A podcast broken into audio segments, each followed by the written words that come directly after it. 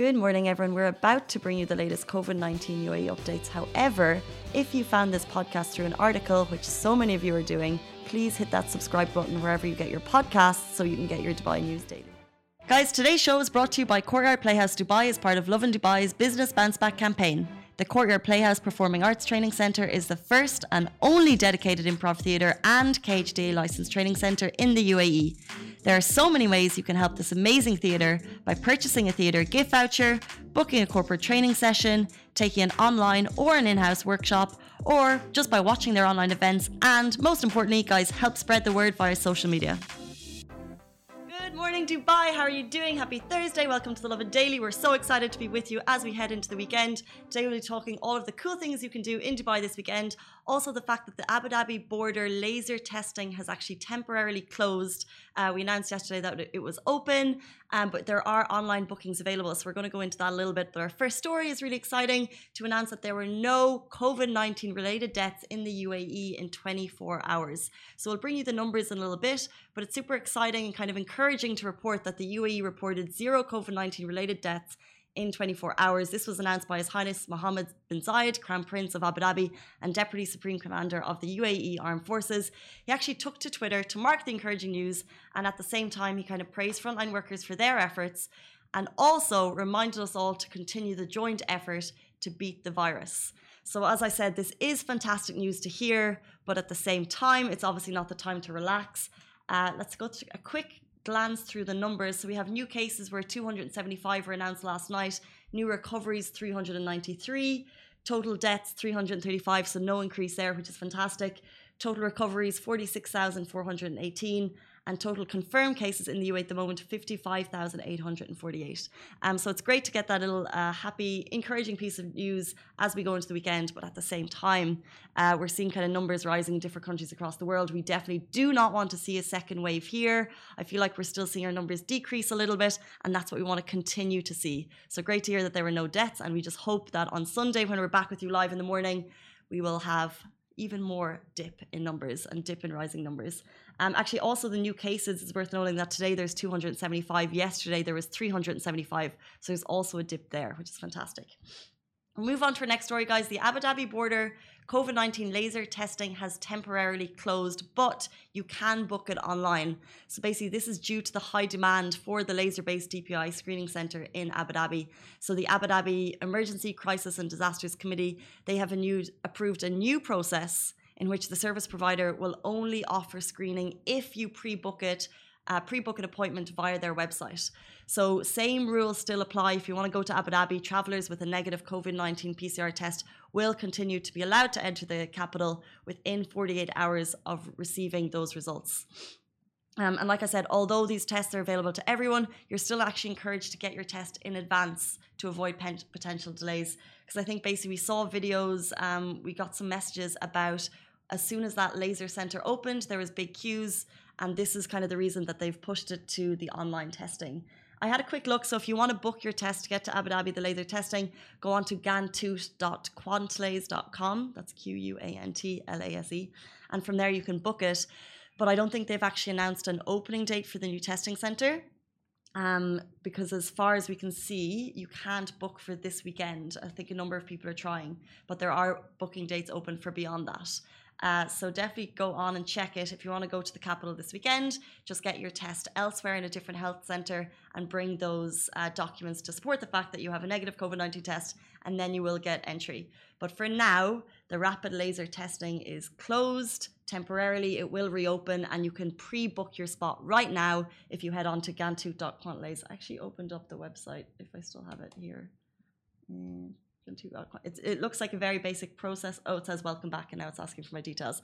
But originally, very basic. It asks for Emirates ID, so you do need to have a residence ID um, and basic details to get that booked in. And from, from what we're seeing online, and if you have any um, experience that you want to share, definitely do in the comments. We're, from what we're seeing online, if you book in advance, uh, you will be able to get it. But the date option at the moment on the site does not allow July 16th, 17th, or 18th.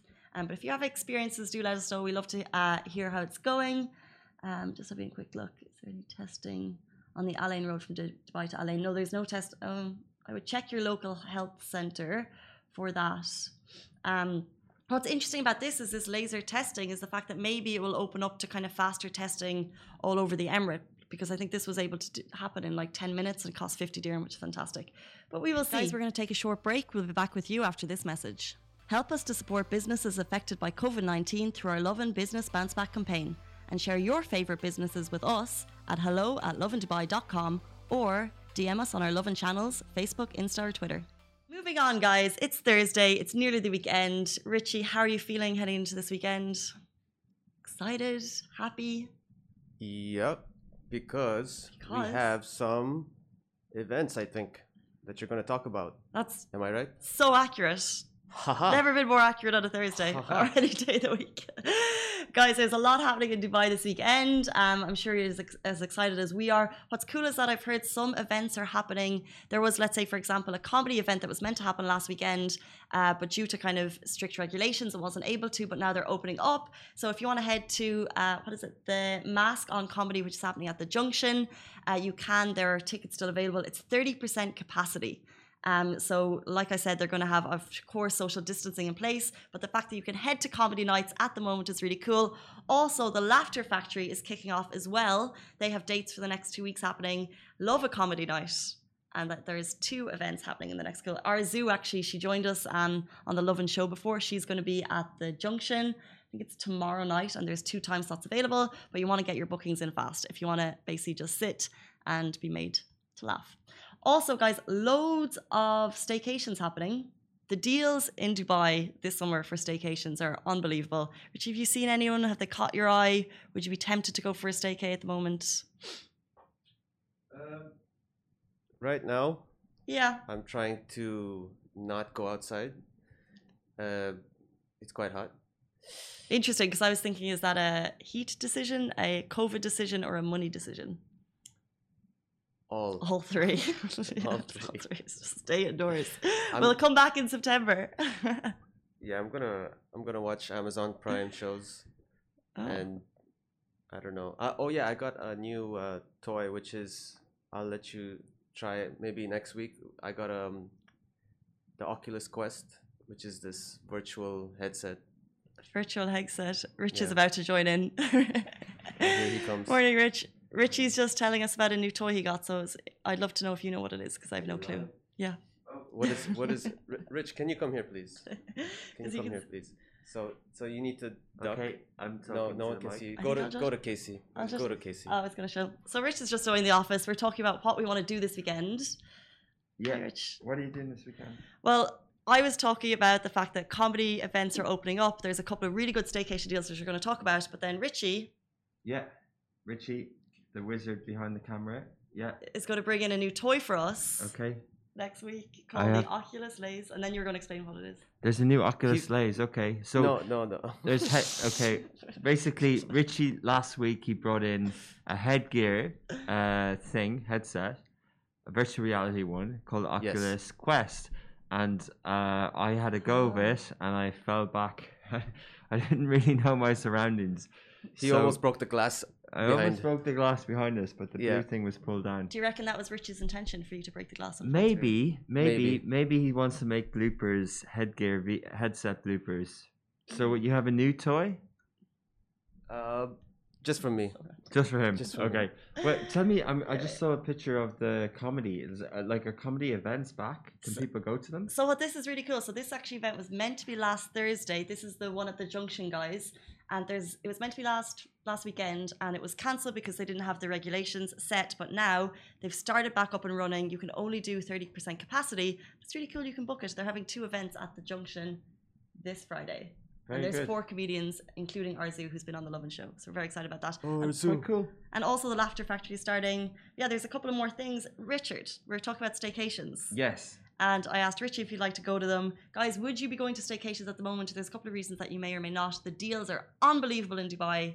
Are you going to one this summer? Since you're probably not traveling like most of us. I'm not going to a staycation because that would mean taking a somewhat of a vacation. I have no interest.